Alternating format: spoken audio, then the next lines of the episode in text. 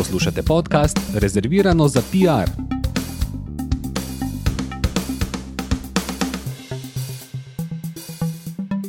Lepo pozdravljeni v čisto prvem podkastu našega društva, ki ga boste odslej lahko spremljali vsak mesec. Z vami sem Anita Kovačič Čelofiga, naša gostja pa strokovnjakinja za krizni menedžment, direktorica podjetja Urednica, dr. Damjana Pondelek. Lep pozdrav. Ja, prijazen pozdrav. Seveda ni težko predvidevati, kaj bo najena tema pogovora. Razsežnosti koronavirusa občutimo že skoraj v vseh porah našega življenja, z njim se ukvarjamo na najrazličnejših področjih, v gospodarstvu, v javnem sektorju. Je morda prav to razlog za takšen preplah, ki smo mu priča? Mislim, da gre vseeno za javno zdravstveno problematiko, s katero se v takem obsegu še nismo srečali in potem ljudje težko ostanemo mirni, jasno, da nas skrbi.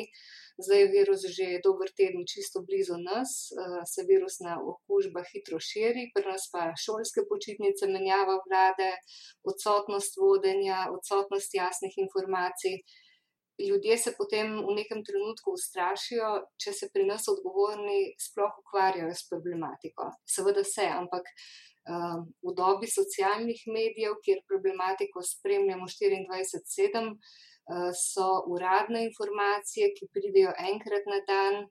Um, Tako mimo grede, čisto premalo močne, premalo učinkovite, premalo prepričljive, deset let nazaj bi to zadoščalo, danes pa se življenje vrti hitreje in drugače, uh, in uh, se ljudje prestrašijo, jasno. No, je pa ta situacija pokazala, kako zelo pomembno je, da se na krizo pripravimo. Res je izziv za vedno za voditelje, za odgovorne, kako v taki situaciji reagirati. Zelo pomaga, če je zasnovan krizni štab, če je znotraj tega štaba obstaja znanje strateškega kriznega komuniciranja, če so zraven strokovnjaki za krizni menedžment. Ker jaz verjamem, da odločevalci delujejo v najboljši veri, se trudijo po najboljših močeh, ampak to v krizni situaciji žal ne zadošča. V kriznem menedžmentu je zelo pomembno, da razumemo, kako deluje družba, kako se odzivajo deležniki, kaj skrbi prebivalstvo, in je potrebno in pomembno strokovno, enotno, dobro koordinirano upravljanje in tudi komuniciranje, jasna, hitra, poštena komunikacija. In vse to je izziv za voditelje, ki se s tem uh, še niso srečali, ki teh izkušenj nimajo. Kaj potem v komuniciranju odgovornih trenutno najbolj pogrešate? Kaj bi nujno dodali v vseh teh izjavah, sporočilih za javnost? Nekaj bi oduzela. Um, zdaj v javnih nastopih odločevalcev kar naprej poslušamo samo brez panike, in potem ljudi stisne pri srcu, jih potisne v trgovine, po zaloge, v banke, po denar, če se jim to odsvetuje. Eh, čeprav ljudje prej sploh niso razmišljali o tem. Zato je najbolj pomembno, no, zato je pomembno da zdaj ljudem ne govorimo, naj ne paničarijo in je treba pokazati, kako smo pripravljeni. Zato morajo odločevalci dati ljudem razlog, da bodo lahko pomirjeni. Eh, ko ljudje vidijo in verjamejo, da bo za nje poskrbljeno, je bistveno manj prostora in tudi razloga za strah, za zaskrbljenost. Ob eh, radikalnih ukrepih v nekaterih eh, drugih, predvsem okoliških državah, smo se pri nas odzvali zelo mirno.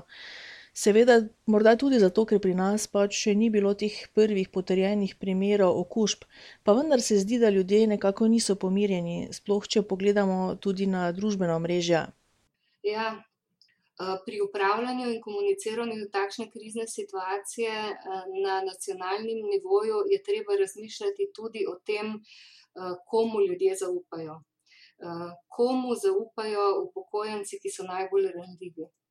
Komu zaupa 80-letna gospa, ki vsak dan kupi par hlebcev kruha za uskrinjo, ker je kvasa zmanjkalo, a zaupa spletni strani NIJZ, kjer so vse informacije uradnikom ministrstva, ki jih vidi zvečer na televiziji, ali morda svojemu zdravniku, župniku, eh, zaposlenim v domu upokojencev, ki skrbijo eh, za njenega moža.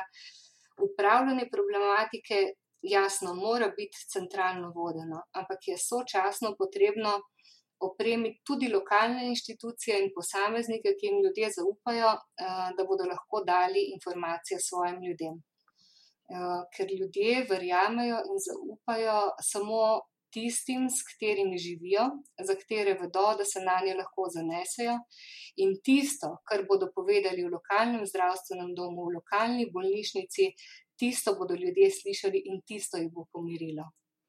In ravno to je v bistvu uh, postala vmes tudi težava, kaj ne, uh, če se ne motim, je zdravniška zbornica, naprimer, prav vmes, uh, ko je ta kriza se res že razplantela, opozarjala na to, da nimajo opreme, da nimajo kadrov, da nimajo navodil glede ukrepov. Ne. V bistvu je ta naša kriza s koronavirusom še bolj razkrila težave, s katerimi se denimo ukvarjajo v javnem zdravstvu uh, trenutno. Ja, mislim, da imamo veliko srečo, da korona še ni našla Slovenije, zato da so se lahko ekipe uh, počasi ekipirale, na počasi ugotavljale, če se nimajo in kaj potrebujejo. Um, za zaupanje v sistem, ne samo v zdravstveni, je zelo pomembno, da se ne zanašamo na srečo, pa na zdravnike, ki naj ob svojem delu brskajo za informacijami, ampak imamo jasne načrte, kako bomo ravnali v zapletenih primerih zdaj pač v primeru epidemije, ki se bo morda zgodila, in da imamo voditelje, ki imajo znanje, ki imajo kompetence vodenja, ki razumejo uh, in ki so že kdaj prej ukrepali v zahtevnih situacijah. Uh, na krizne situacije, kot je ta, s katero smo soočeni, moramo biti bistveno bolje pripravljeni. In poskrbeti za vse deležnike, za državljane, pa tudi za zdravstvene delavce, ki nas bodo zdravili, pa tudi za medije, da bodo imeli hitre, pravočasne, verodostojne informacije. Ker če imajo te tri skupine občutek, da so prepuščene sami sebi, potem imamo hitro problem in ga imamo. Morda pogrešate um, več uh, komuniciranja na katerem izmed uh, komunikacijskih kanalov, je morda kateri trenutno prezrt, Pozabili smo na najranljivejšo skupino, pozabili smo na starostnike, ki ne obvladujejo spleta uh, in digitalnega sveta. Informacije morajo priti uh, do njih v lokalnem okolju in um, jih morajo imeti možnost vzeti tudi v roke in jih prebrati. Zdaj vse preveč stavimo na splet in na tisto, kar bodo uh, zvečer ljudje uh, videli po televiziji, ampak to enostavno ne zadošča. Zdaj, vi ste bili tudi na terenu. Uh, kakšne so vaše povratne informacije, kako se v zdravstvu spopadajo s krizo, kakšno je stanje, kaj pogrešajo, Eh, srečali smo se eh, z obojimi, tako z gospodarstvom, kot tudi z zdravstvom. Zdaj v podjetjih, sploh izvoznik, so se zelo zgodaj začeli zavedati, kakšna situacija jih lahko doleti, kaj to pomeni za posel. Tako da naše sodelovanje poteka praktično od trenutka izbruha na kitajskem, ker je ta svet naših izvoznikov globalni svet in je bilo potrebno prilagoditi poslovanje novi grožnji, sprejeti odločitve glede potovanj, službenih poti, skrbi za zaposlene, za njihovo varnost, eh, zdravje pri delu in še, še glede marsičesa. Zdaj v našem podjetju Urednica imamo to prednost, da imamo dolgoletne izkušnje s kriznim menedžmentom v podjetjih in organizacijah in da imamo v ekipi tudi izkušenega zdravnika, tako da lahko na situacijo pogledamo z vseh vidikov, tako z krizno-komunikacijskega, z vidika strateškega in kriznega menedžmenta, kot zdravstvenega in je tako nekoliko lažje. Um, Medtem ko v zdravstvenih okoljih smo imeli to priložnost praktično šele v zadnjih dneh, možnost videti, uh, kako resno so ekipe pripravljene na morebitno epidemijo. Um, definitivno so pripravljene bolje, kot znajo to povedati. Smo naredili nekaj simulacij odziva v primeru koronavirusa in se je vsakeč znova pokazalo, da je vse nekje na svojem mestu, razen komunikacijskega dela kako povedati preprosto, mirno, stvarno, angažirano, prepričljivo, tega se je treba naučiti. Tako da mi je v veselje, da strokovnjaki po nekaj vaje spregovorijo v jeziku, ki je blizu ljudem, eh, empatično, pomirjujoče.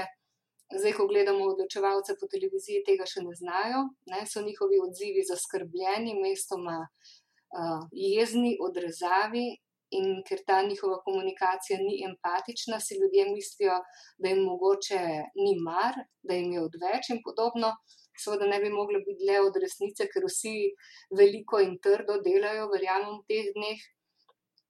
Uh, in tudi, kar se zdravnikov in strokovnjakov tiče, sem prepričana, da se zagotovo ne bojijo pacijentov z virusnimi okužbami, ker je to njihov vsak dan. Uh, in bodo tudi koronavirus obvladali in pacijentom ustrezno pomagali. Eh, je pa težko za vsakega izmed njih komunicirati v zaostrenih okoliščinah. Um, in uh, se strokovnjaki pred mikrofonom odzovejo tako napeto, hladno, jezno, ne, iz stiske, ampak te stiske ne povzroča virus, ne, ampak pritisk in napetost, ker strokovnjaki ne vedo, kako naj se odzovejo v situaciji, kjer je uh, pomembna vsaka beseda, kjer ni prostora za napačen korak.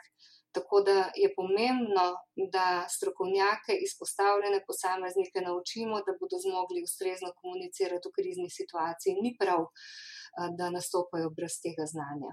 Potem pa slišimo, brez panike, ne kupujte zalog, ne dvigujte denarja in ljudje storimo točno to. Ne? Tako da, ko izpostavljene posameznike naučimo, kako ravnati in komunicirati v kriznih situacijah, uh, je takih izjav, izjav, ki strašijo, bistveno manj. Kako pa bi, uh, oziroma kakšen, kako pa bi svetovali komunikatorjem, potem, ko se bomo v bistvu soočili, če se bomo, no, seveda upam, da se ne bomo, ampak vseeno je realno pričakovati, da bodo kmalo prvi potrjeni primeri tudi pri nas. Kaj storiti takrat, kako komunicirati? Mirno, pošteno, transparentno, hitro, eh, tudi z občutkom in zavedanjem, da ljudi skrbi in da ta trenutek potrebujejo informacije. Eh, že v naslednjem trenutku pa bodo v primeru epidemije mm, potrebovali tudi zdravstveno pomoč, in na oboje moramo biti pripravljeni. No, izzivov nam eh, kar ne zmanjka. Ob koronavirusu se zdaj nekako odpira še ta imigrantska grožnja, pa tudi z menjavo oblasti se soočamo ja, odločevalci se morajo zavedati, uh, da imajo odgovornost uh, vodenja in skrbi za ljudi do zadnjega dne mandata. In tudi nova vlada, ki prihaja, ne bo imela uh, kaj dosti miru od prvega dne, od prve ure.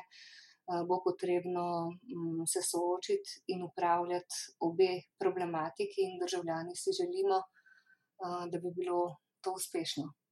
Doktor Damjana Pondelek, hvala za vaš čas in vaše misli, ki bodo nedvomno prišle prav v teh kriznih časih.